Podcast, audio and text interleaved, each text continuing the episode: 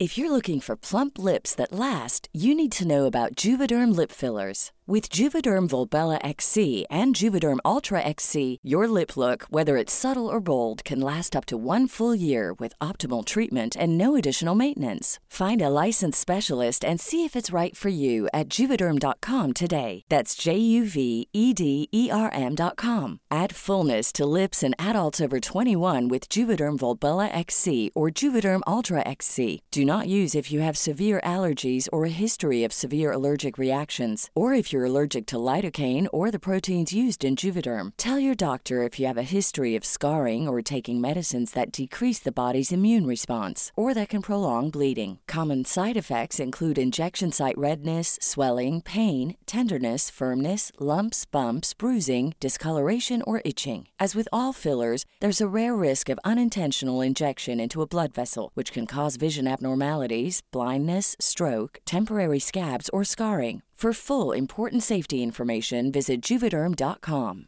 Hiring for your small business? If you're not looking for professionals on LinkedIn, you're looking in the wrong place. That's like looking for your car keys in a fish tank.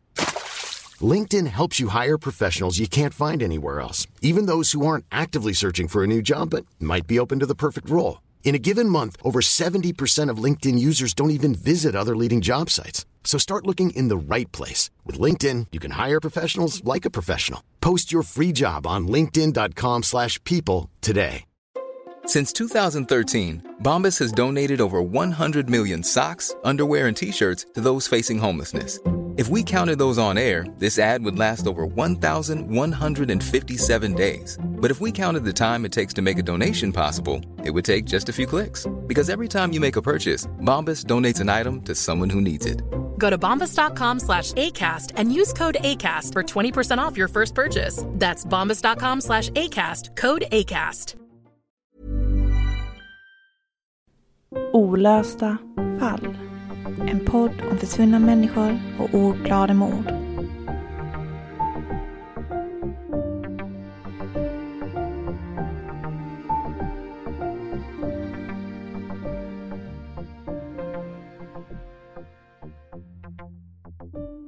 Onsdagen den 29 april 1992 var till synes en vanlig morgon för Michael Kenny som var vice rektor på en grundskola i Papua Guinea. Som vanligt vaknade han strax efter sju för att förbereda sig och lyssna på nyheterna innan första lektionen som började klockan åtta.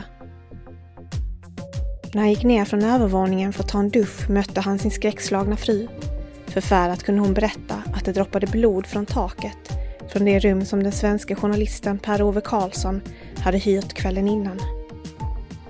Michael rusade till rummets dörr som skulle visa sig vara låst och ingen öppnade när han bankade och ropade så han fick hämta en extra nyckel.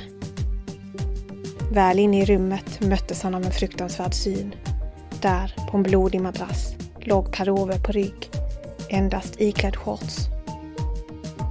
Och det värsta av allt, längs halsen hade han ett 14 centimeter långt sår och det var från det gapande såret allt blod som bildat blodpölen han låg i hade kommit. In till kroppen låg Per-Oves schweiziska armékniv med det sågtandade bladet utfällt. Det fanns blodstänk på golvet och väggarna. Det var obehagligt tyst i rummet. Det enda som hördes var det surrande ljudet av en bordsfläkt som fortfarande stod på. Vi lyssnar på Olasta fall om journalisten Per-Ove Karlssons mystiska död i Papua Guinea. Mitt namn är Nathalie Seov. Mitt namn är Sofie Nublin. Per-Ove föddes den 4 april 1956 i Tofta söder om Visby på Gotland. I en grävande artikel om Per-Oves öde med rubriken Per-Oves sista resa, som publicerades i magasinet Filter år 2013, skildras hur han började intressera sig för journalistiken. Allt började med hans fackliga engagemang när han jobbade på ett tryckeri i Visby. Via LO fick han möjlighet att resa tillsammans med andra LO-representanter till spännande platser som La Paz i Bolivia och det var på den resan till Bolivia som Per-Ove, då 27 år gammal, mötte vännen Mats Brolin. Och deras vänskap skulle växa sig stark genom åren. Det var strax efter resan till La Paz som Per-Ove bestämde sig för att följa sin dröm om att bli dokumentärfilmare. Och resan till Papua Guinea 1992 var inte det första äventyret han varit på. Han hade bland annat rest Transsibiriska järnvägen och korsat Himalaya till fots.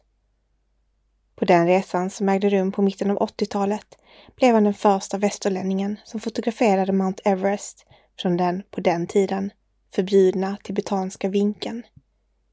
Bilden kunde han senare sälja till SVT för 1500 kronor. Så småningom sa Per-Ove upp sig från sitt jobb på tryckeriet i Visby och sökte in till en journalistutbildning på Skurups folkhögskola. Han landade också en tjänst på Gotlands Tidningar. Även om det bara ett vikariat var han på god väg att uppfylla sin dröm. Han var 35 år gammal då han den 21 januari 1992 reste ensam från sitt hem på Gotland med slutdestination Papua Guinea.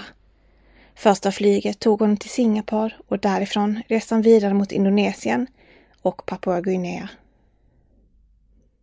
Under resans gång skickade han hem vykort till sin gode vän Mats, som hade varit med på liknande resor som Per-Ove hade gjort förr. Men denna gång hade Mats stannat hemma. Han hade nämligen fått en anställning på SVT i Umeå och kunde inte missa det tillfället för att följa med på ännu ett äventyr med Per-Ove. Vykorten som Per-Ove skickade gav Mats en inblick i Per-Oves resa och han fick små uppdateringar om hur resan fortlöpte. I den omfattande artikeln i magasinet Filter står det att på det första av många vykort som Mats fick från sin vän hade Per-Ove beskrivit att det varit en del strul med visum till Indonesien. De är mycket misstänkta mot svenskar, men det fixar sig nog, skrev Per-Ove. Syftet med resan till Papua Guinea var att skildra västpapuanska gerillans kamp mot kolonialmakten i Indonesien. Som första svenska journalist på denna svåråtkomliga plats i den djupa regnskogen var tanken att samla på sig material till en dokumentärfilm om befrielserörelsen i landet. Per-Ove visste att uppdraget var riskfyllt, men han var passionerad när det kom till sitt yrke och begeistrad av möjligheten att kunna skildra en annars bortglömd konflikt. Han var dessutom hoppfull om att dokumentärfilmen kunde leda till något stort i hans karriär, kanske till och med en fast anställning på SVT. Per-Ove hade ett stort driv när det kom till att skildra orättvisor och få upp sanningen till ytan. Han hade dessutom en intressant vinkel som han ville undersöka. En svensk koppling. Han ville undersöka om det kunde vara så att Sverige exporterade vapen till Indonesien och på så sätt hjälpte kolonialmakten i kampen mot gerillan som kämpade för sin frihet. Det fanns potential till ett stort scoop i storyn som han hade rest till andra sidan jordklotet för att gräva fram. Dels handlar den här berättelsen om ett urfolks kamp för att få frihet och självstyre. Men han hade också om en plats med fantastiska naturtillgångar, värda tusentals miljarder, som stormakter potentiellt stod på rad för att exploatera. Det fanns mycket att skildra och Per-Ove hade inte särskilt mycket resurser, så det gällde att jobba snabbt och samla på sig så mycket information som möjligt innan det var dags för hemresa.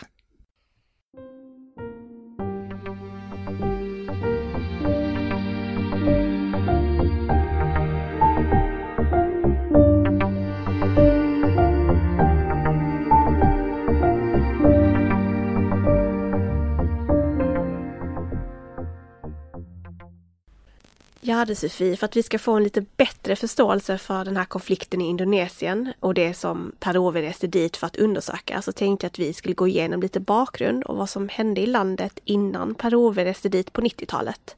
Mm. För Indonesien hade ju under en väldigt lång tid i historien varit en nederländsk koloni. Men landet blev självständigt efter andra världskriget. Men den här delen Västpapua som det rör sig om här, den västra halvan av ön, Nya Guinea, eh, förblev en holländsk koloni ända tills 1960-talet. Och tanken var att området efter det skulle bli självständigt. Men eh, Indonesiens president eh, tog istället tillfället till akt och invaderade området så att det skulle förbli indonesiskt. Mm. Och sen gick USA in och bestämde med hjälp av FN eh, att tillfälligt administrera området en period för att sen försöka överlämna styret till Indonesien samtidigt som västpapuanerna fick avgöra huruvida de ville tillhöra Indonesien eller leva under indonesiskt, alltså då leva under indonesiskt styre eller bli självständiga. Så det var så det gick till. Mm. Och det här skulle visa sig inte vara en lätt fråga att avgöra. För det mynnade ut i många konflikter i området, många blodiga konflikter, många fick betala med sina liv. Och konflikterna har handlat egentligen om allting från naturresurser, vad, vem, som, vem som egentligen har rätt till dem, vilken, mm. vilket folk som har rätt till dem, men även huruvida territoriet skulle bli självständigt eller ej då, som har varit den stora frågan. Mm, och det här pågick under ganska många år som jag förstått det.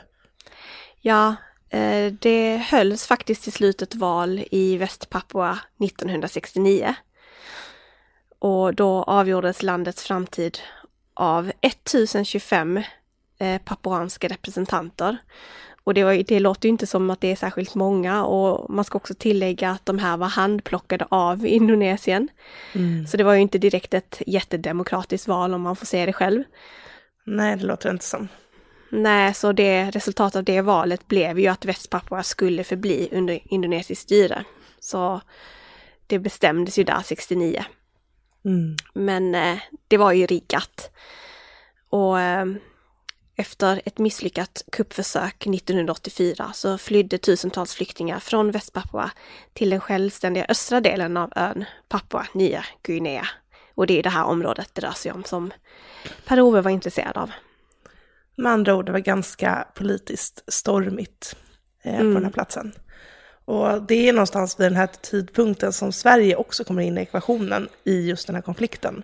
Och det på grund av vår omfattande vapenexport. Mm. Det skulle nämligen visa sig att Indonesien var ett av de länder som, som vi exporterade vapen till. Och mm. under alla de här åren, smutsiga vapenaffärer, mutor och ja, men så kom det helt enkelt fram en del avslöjanden om ren smuggling som eh, eh helt enkelt kom upp till ytan. Mm, det här har ju varit väldigt, väldigt omtalat i, i medierna då, särskilt då på 80-talet. Mm. Och det var även en het potatis just i svensk politik genom åren. Mm. Och bara några veckor före Olof Palmes död så beviljade statsministern företaget Bofors ett eh, utförseltillstånd för eh, luftvärnskanoner då till Indonesien. Och intressant mm. nog så har det faktiskt spekulerats i huruvida den svenska vapenhandeln kan ha varit ett motiv för just mordet på vår statsminister. Eh, mm. Så det här har verkligen varit någonting man har varit och geggat i liksom och försökt ta reda mm. på vad som har hänt. Eh, även om det har varit en del, väldigt många olika former av möjliga motiv när det kommer till just mm. Palmemordet. Men eh, mm. det här var faktiskt ett av de tänkbara motiven. Mm, att det kunde ha någonting med de besluten Palme tog där precis innan sin död. Mm, mm. I och med att det bara handlar om en vecka. Mm. Sen finns det också andra misstänksamma händelser som uppmärksammades under samma period. Nämligen år 1987 så föll krigsmaterielinspektören Carl Fredrik Algernon framför ett tåg i Stockholm och omkom. Mm. Och han var då den som hade varit ansvarig för utredningen om de här misstankarna gällande just Bofors smugglande av vapen. Just det. Och även då om fallet lades ner så har det spekulerats i om det är så att även han då kan ha blivit mördad just för att han undersökte det här med smuggling. Och att han eventuellt skulle avslöja någonting som de inte ville skulle avslöjas kanske? Mm. Precis, så ja, det är ganska många skumma omständigheter när det kommer till just Bofors och de här vapenaffärerna i Sverige. Och vi borde egentligen nästan göra ett helt avsnitt bara om Karl Fredrik mm. och eh, Boforshärvan, så att vi faktiskt kan fördjupa oss i det också en annan gång, för det är, det är väldigt intressant. Det är mycket att gräva ner sig i där, så det borde vi verkligen göra. Precis. Och, men ja, oavsett vad så är det just den här konflikten i Västpapua som Per-Ove ville undersöka. Och han vill då få kontakt med eh, gerillan OPM för att få information från dem och förhoppningsvis då komma hem med tillräckligt mycket material för att kunna klippa ihop det till en intressant dokumentärfilm. Mm. Men som vi vet så kom ju Per-Ove aldrig hem och hans journalistiska arbete, det gick ju bra och han kontaktade sin vän Mats och indikerade att han hade, gjort, han hade helt enkelt någonting stort på gång. Eh, samtidigt mm. som han då uttryckte den här oron, att han kände sig förföljd. Och sen strax efter då skulle man hitta Per-Ove död. Med halsen mm. avskuren. Och den lokala polisen skulle avskriva det här som ett självmord. Eh, men ja, det finns ju många som tvivlat på den teorin, om man säger så. Ja, jag tror framförallt hans vän där, Mats, men också hans familjemedlemmar verkar inte ha trott att det var särskilt troligt att han skulle begått självmord. med tanke på att han var väldigt förhoppningsfull inför framtiden. Han jobbade på den här dokumentärfilmen. Det fanns mycket han såg fram emot. Mm. Det är ett väldigt märkligt sätt att begå självmord på för det första. Mm. Det kan hända, det är inte omöjligt. Men eh, det, det känns otroligt och med tanke på just att han kände sig förföljd och att han hade verkligen något stort på gång, ett stort skop som man skulle avslöja så, så är det ju många mystiska omständigheter kring hans död. Mm, det känns som att han helt enkelt har blivit undanröjd. Mm. Ready to pop the question? The jewelers at BlueNile.com have got sparkle down to a science with beautiful lab-grown diamonds worthy of your most brilliant moments. Their lab-grown diamonds are independently graded and guaranteed identical to natural diamonds, and they're ready to ship to your door. Go to Bluenile.com and use promo code LISTEN to get $50 off your purchase of $500 or more. That's code LISTEN at Bluenile.com for $50 off. Bluenile.com code LISTEN. Burrow's Furniture is built for the way you live. From ensuring easy assembly and disassembly to honoring highly requested new colors for their award winning seating, they always have their customers in mind. Their modular seating is made out of durable materials to last and grow with you. And with Burrow, you always get fast, free shipping. Get up to 60% off during Burrow's Memorial Day sale at burrow.com slash ACAST. That's burrow.com slash ACAST. burrow.com slash ACAST. Hey, it's Paige DeSorbo from Giggly Squad. High quality fashion without the price tag? Say hello to Quince. I'm snagging high-end essentials like cozy cashmere sweaters, sleek leather jackets, fine jewelry, and so much more. With Quince being 50 to 80% less than similar brands. And they partner with factories that prioritize safe, ethical, and responsible manufacturing. I love that. Luxury quality within reach. Go to quince.com slash style to get free shipping and 365-day returns on your next order. quince.com slash style.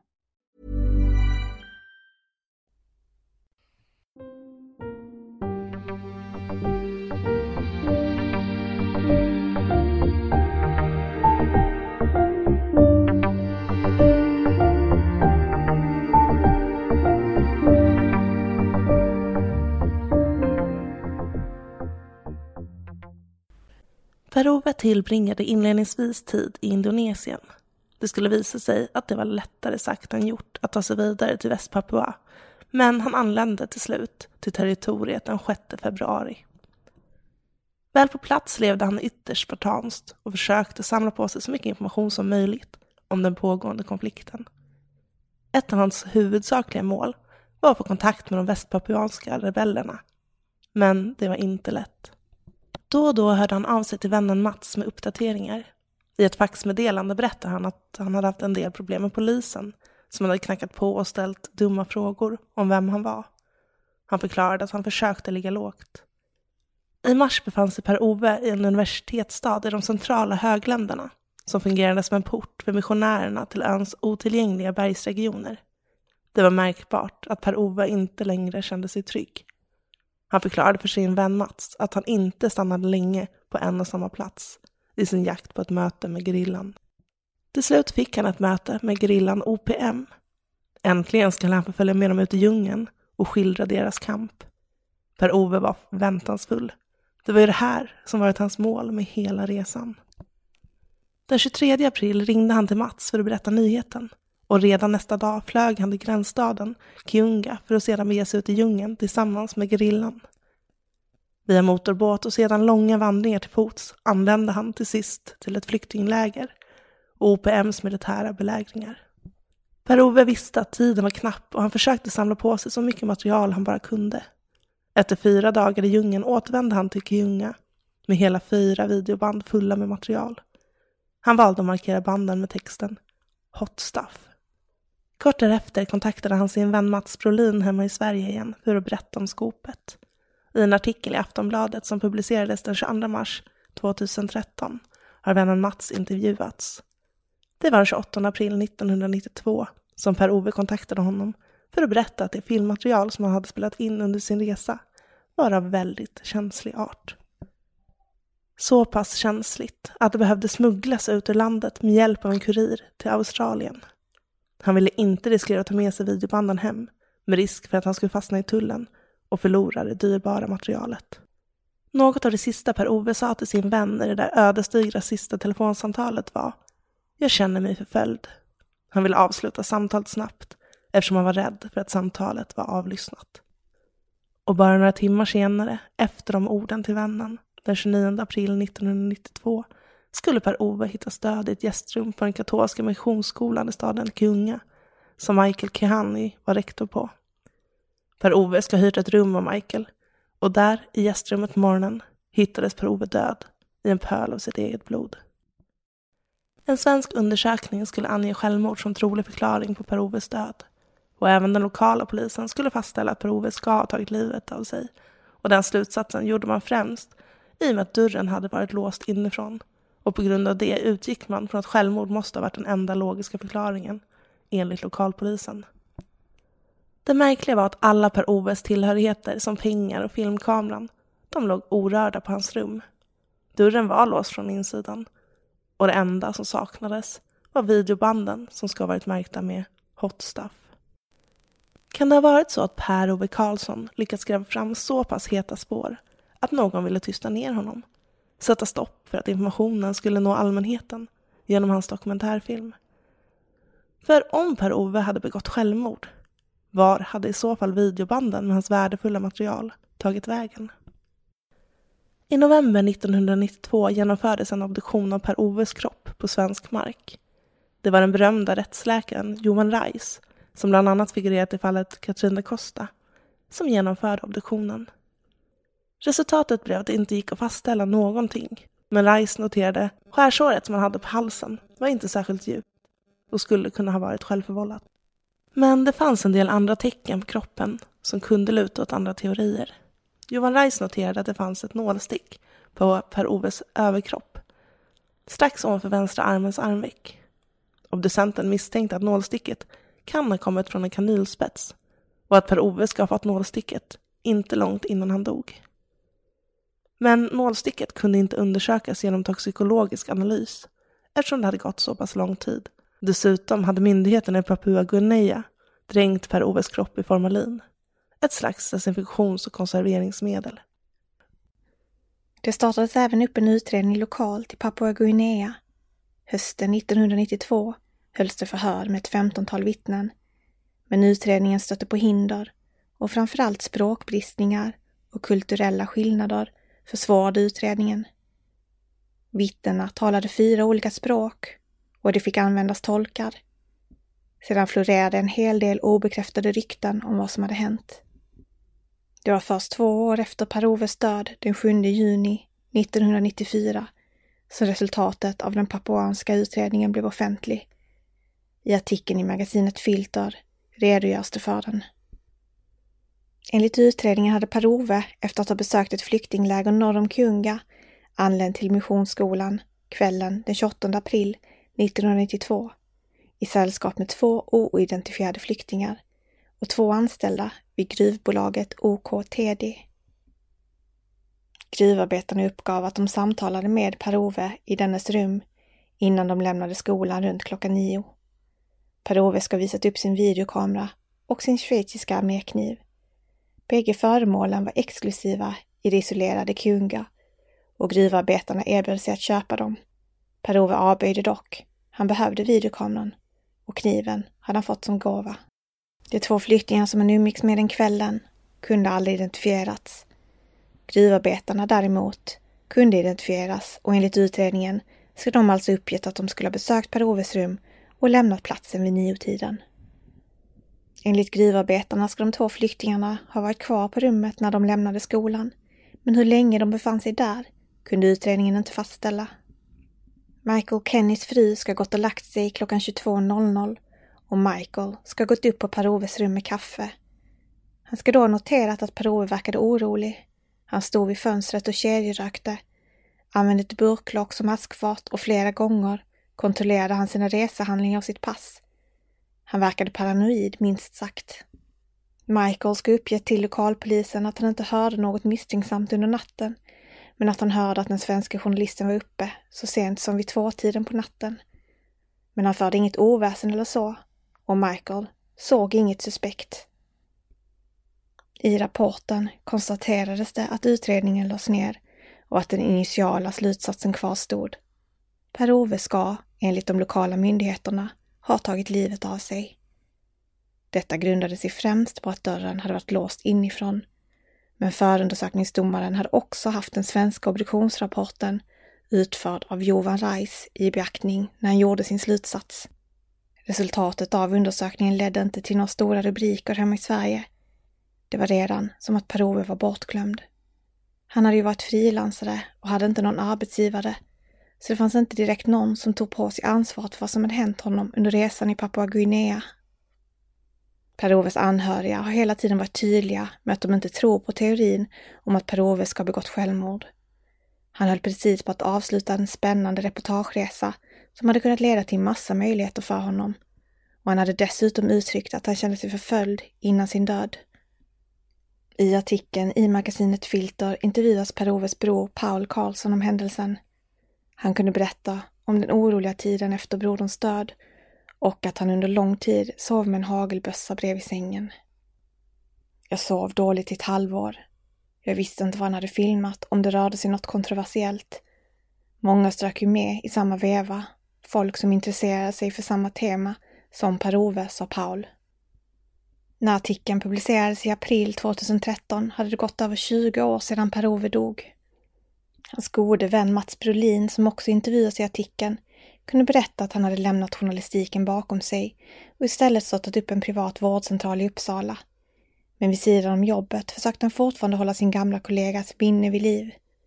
Och han hade färdigställt en film om den gotländska konstnären Erik Olsson av material som Per-Ove hade samlat på sig sommaren 1991, tiden innan han reste till Västpapua. Mats Brolin tvivlar precis som Per-Oves bror på teorin om att Per-Ove ska ha begått självmord. Journalisterna Claes Lundström och Ivar Andersen, som är journalisterna bakom artikeln i Filter, fick ta del av en hel del material och dokument från Mats i hopp om att kunna gräva djupare i händelsen och ta reda på mer om vad som hände Per-Ove. Bland papperna hittade de Australien-ambassadören Bo Heinebecks korrespondens med UD. Det rör sig om ett 50-tal sidor och det ska visa sig att Heinebeck verkar ha gjort allt i sin makt för att försöka få svar. Det finns en del intressanta uppgifter bland Heinebecks anteckningar som exempelvis följande. Grannar som bodde 20 meter bort från rummet Per-Ove ska befunnit sig i ska ha hört ljud från rummet sent på kvällen. Det var också Heinebeck som uppmärksammade att det var märkligt att Per-Ove hade en videokamera men inga videoband. Och det var ännu märkligare eftersom inga andra av hans saker verkade ha försvunnit. Heinebeck uppmärksammade också att många vittnen verkade ha varit rädda och han ifrågasatte också om lokalpolisen verkligen hade hört alla vittnen. Det gick många rykten i Kunga efter Per-Oves död och många av ryktena handlade om en och samma person, Michael Carrett. Han var frontfigur inom en av två fraktioner som slogs om att kontrollera gerillan Ophem. Det fanns dessutom misstankar om att Carrot kan ha varit indonesisk dubbelagent. Det skulle visa sig att den här personen aldrig intervjuades i utredningen eftersom han inte gick att få tag på och han nämns därför aldrig i slutrapporten. Det sista spåret efter Carrot finns i en artikel som han nämns i från 2003. Då ska han ha sökt asyl i Solomonöarna. En intressant detalj som når Claes Lundström och Ivar Andersen i arbetet med artikeln är att de där försvunna videobanden till slut skulle dyka upp igen. Det var Mats Brolin som kunde berätta att banden levererades i Sverige sommaren 1994 av OPM-rörelsens talesman Jacob Pry. En man som omedelbart efter Per-Oves död ska ha anklagat Indonesiens säkerhetstjänst för att ha mördat Per-Ove. Filmerna innehöll en hel del intervjuer med gerillamedlemmar, även med Michael Carrett, mannen som det florerat rykten om efter Per-Oves död. Enligt Mats pratar de om situationen och konflikten på banden, men det finns ingen smoking gun enligt honom. Inget hot stuff som han annars kanske väntade sig på grund av Per-Oves märkningar på banden och hur han själv pratar om materialet. Det nämns ingenting om svenska vapen på banden. Det kan vara svårt att förstå varför materialet ska varit så känsligt som Per-Ove beskrev det som. Så känsligt att det behövde smuggla ut ur landet. Vi vet ju inte heller om allt material återfanns eller om något kan ha klippts bort eller raderats. Vi vet inte heller hur videobanden kunde hamna hos OPM och Jakob Paj. Per-Ove gjorde ju sig klar för hemresa och pratade med Mats om att få ut videobanden från landet med hjälp av kurir. Kanske hann han överlämna banden till någon innan sin död. Eller så stals banden i samband med mordet på honom, om vi ska tro på teorin om att Per-Ove blev mördad. Ivar Andersen och Claes Lundström försökte i sitt arbete med artikeln om Per-Ove få tag i Jakob Pry för att försöka få svar. Men han gick aldrig att nå. De kom istället i kontakt med en journalist från Tyskland vid namn Norbert Sukanek som precis som Per-Ove ska besökt Kyunga för att skildra konflikten i området. Enligt honom ska flera som han stötte på på sin resa ha yttrat sig om Per-Oves död och då sagt att svensken ska ha blivit mördad. Det verkar som att det är den allmänna kända hemligheten i området enligt Sukanek. Det pratas alltså inte om att han ska ha begått självmord, som är den offentliga teorin. Frilansjournalisterna Ivar Andersen och Claes Lundström bestämmer sig för att själva resa till Västpapua. Men alla de kommer i kontakt med, biskopar, missionärer och gerillarepresentanter, ingen tycks ha hört talas om Per-Ove, eller så blir de obekväma när hans namn nämns. Ingen tycks vilja prata. Till sist lyckas de få till en träff med Michael Kenny, den före detta rektorn på Missionsskolan, som var den som hittade Per-Oves döda kropp i gästrummet den där morgonen. Michael kunde berätta om en svår tid efter den där händelsen. Vi hotades till livet efter att det där hade hänt. Vi blev anklagade för att ha dödat honom. Men vi var bara oskyldiga människor som tog in någon som behövde en sovplats. När det här hände var det en total chock för mig och min fru. Vi fruktade för våra liv och lämnade Kyunga, sa han i intervjun med de två svenska journalisterna. Kenny står fast vid att han tror att det rör sig om självmord även om grannarna ska ha hört sparkar i väggen och häftiga andningar från Per-Oves rum. Den enda som hade en extra nyckel till gästrummet var hans fru. Men samtidigt kunde han berätta om hur nervös Per-Ove hade varit kvällen innan och hur han upprepande gånger betonade att han skulle lämna Kunga tidigt nästa morgon. De svenska journalisterna fortsätter sin resa och väljer att lämna Västpapua för att ta sig cirka 20 mil över havet till Queensland i norra Australien de beskriver hur många exilvästpapuaner ska bosatt sig här. Anledningen till att de beger sig till Australien är att de ska få tips om att australienaren Neville Hungerford, som arbetade som volontär för den katolska missionen i Kunga år 1992, kan sitta på information, så de bestämmer träff med honom. I telefonkontakten innan mötet sa han att han inte kunde ge några detaljer innan de hade lämnat Papua och när de träffar honom kan han förklara varför. Han hade nämligen uppgifter om en viss person, Michael Carrett, om de två svenska journalisterna hade frågat runt om honom i Kunga hade de kunnat riskera sina liv. Enligt Hungerford ska det ha funnits uppgifter om att Carrot ska befunnit sig i Kiunga vid tiden för Per-Oves död. Men han har lyckats övertala myndigheterna om att han var i huvudstaden. Mer kunde Hungerford inte avslöja. Det finns ju uppenbarligen bevis för att Per-Ove träffade Carrot eftersom det finns intervjuer med honom inspelade på de videoband som var försvunna men sen skickades till Sverige. Men det säger ju ingenting om huruvida det var han som mördade Per-Ove eller ej. Innan Ivar Andersen och Claes Lundström gör sig redo för sin hemresa till Sverige får de via anonyma källor in tips om en annan person som sägs sitta på information. Det rör sig om Jacob Rombiak som har varit en framträdande ledarfigur för det västpapuanska motståndet. Till de svenska journalisterna förklarar han. Jag var väldigt angelägen om att få reda på vad som hade hänt, säger Rumbiak. Vi slåss för ett fritt Västpapua. Då måste vi beskydda dem som kommit dit för att hjälpa oss. Det är en av principerna för frihetskampen. Han berättar vidare att när han satt i ett indonesiskt fängelse mötte han en person som sa sig vara den som hållit i kniven och faktiskt mördade Per-Ove den svenska journalisten blev mördad av Michael Carrots livvakt som också var hans högra hand.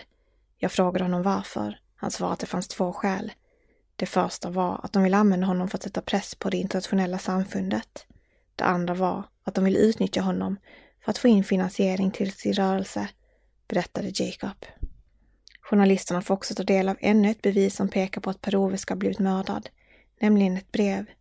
Brevet mottogs i oktober 1992 var Matthew Carney, en australiensisk undersökande journalist som under tidigt 1990-tal var den som förmodligen hade flest kontakter inom OPM.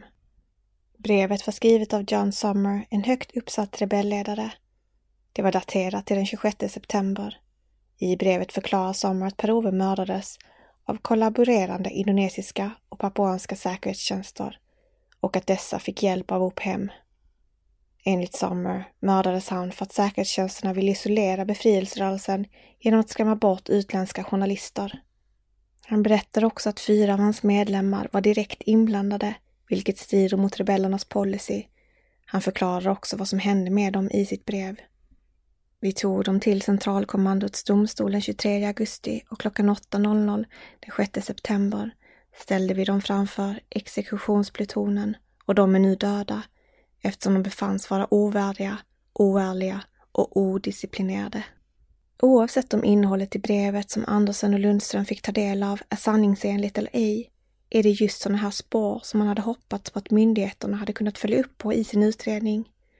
Oavsett vad som hände Per-Ove står det inte bortom allt rimligt tvivel att han faktiskt begick självmord. Tvärtom kantas hans död av en hel del oklarheter, frågetecken och märkliga omständigheter. Han befann sig mitt i stormens öga, mitt i en pågående konflikt och ville skildra den inifrån. Det fanns uppenbarligen motiv från båda sidor av konflikten. Båda sidor kan ha haft sina anledningar till varför Per-Ove skulle tystas ner, oavsett om motivet var att skrämma bort andra journalister, få finansiering till sin kamp eller att se till att hans dokumentärfilm aldrig skulle släppas. Och om det stämmer att Michael Carrot var en dubbelagent som utgav sig för att tillhöra OPM men faktiskt samtidigt även jobbade för kolonialmakten är det ytterst intressant att det just är hans namn som ständigt dyker upp på lokalbefolkningens läppar hos de få som verkar vilja prata om Per-Oves död. Våra tankar går ut till Per-Oves anhöriga och till alla journalister som likt honom varje dag riskerar sina liv för att komma närmare sanningen. Deras jobb är ovärderligt, men i många fall får de betala ett högt pris för att komma åt den där storyn som kan leda till det stora genombrottet. Tack för att du har lyssnat på Olösta fall. Vi är tillbaka med ett nytt avsnitt nästa vecka.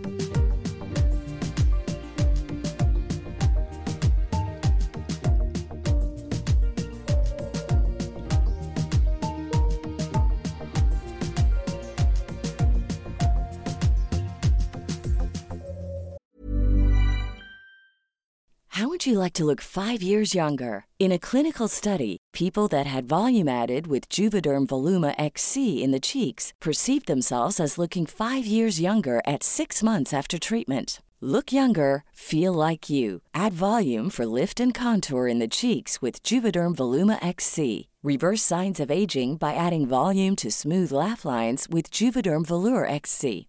For important safety information and to find a licensed specialist, visit juvederm.com. That's J U V E D E R M.com. Not for people with severe allergic reactions, allergies to lidocaine, or the proteins used in Juvederm. Common side effects include injection site redness, swelling, pain, tenderness, firmness, lumps, bumps, bruising, discoloration, or itching. There's a risk of unintentional injection into a blood vessel, which can cause vision abnormalities, blindness, stroke, temporary scabs, or scarring. Talk to a licensed specialist to find out if it's right for you.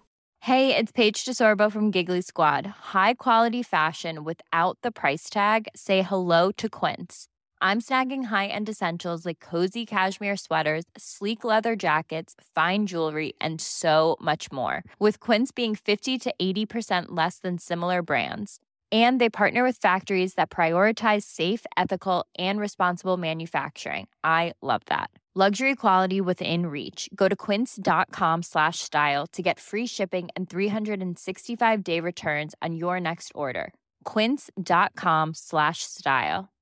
Imagine the softest sheets you've ever felt. Now imagine them getting even softer over time. That's what you'll feel with Bowl and Branch's organic cotton sheets. In a recent customer survey, 96% replied that Bowl and Branch sheets get softer with every wash. Start getting your best night's sleep in these sheets that get softer and softer for years to come. Try their sheets with a 30-night guarantee. Plus, get 15% off your first order at bowlandbranch.com. Code BUTTERY. Exclusions apply. See site for details.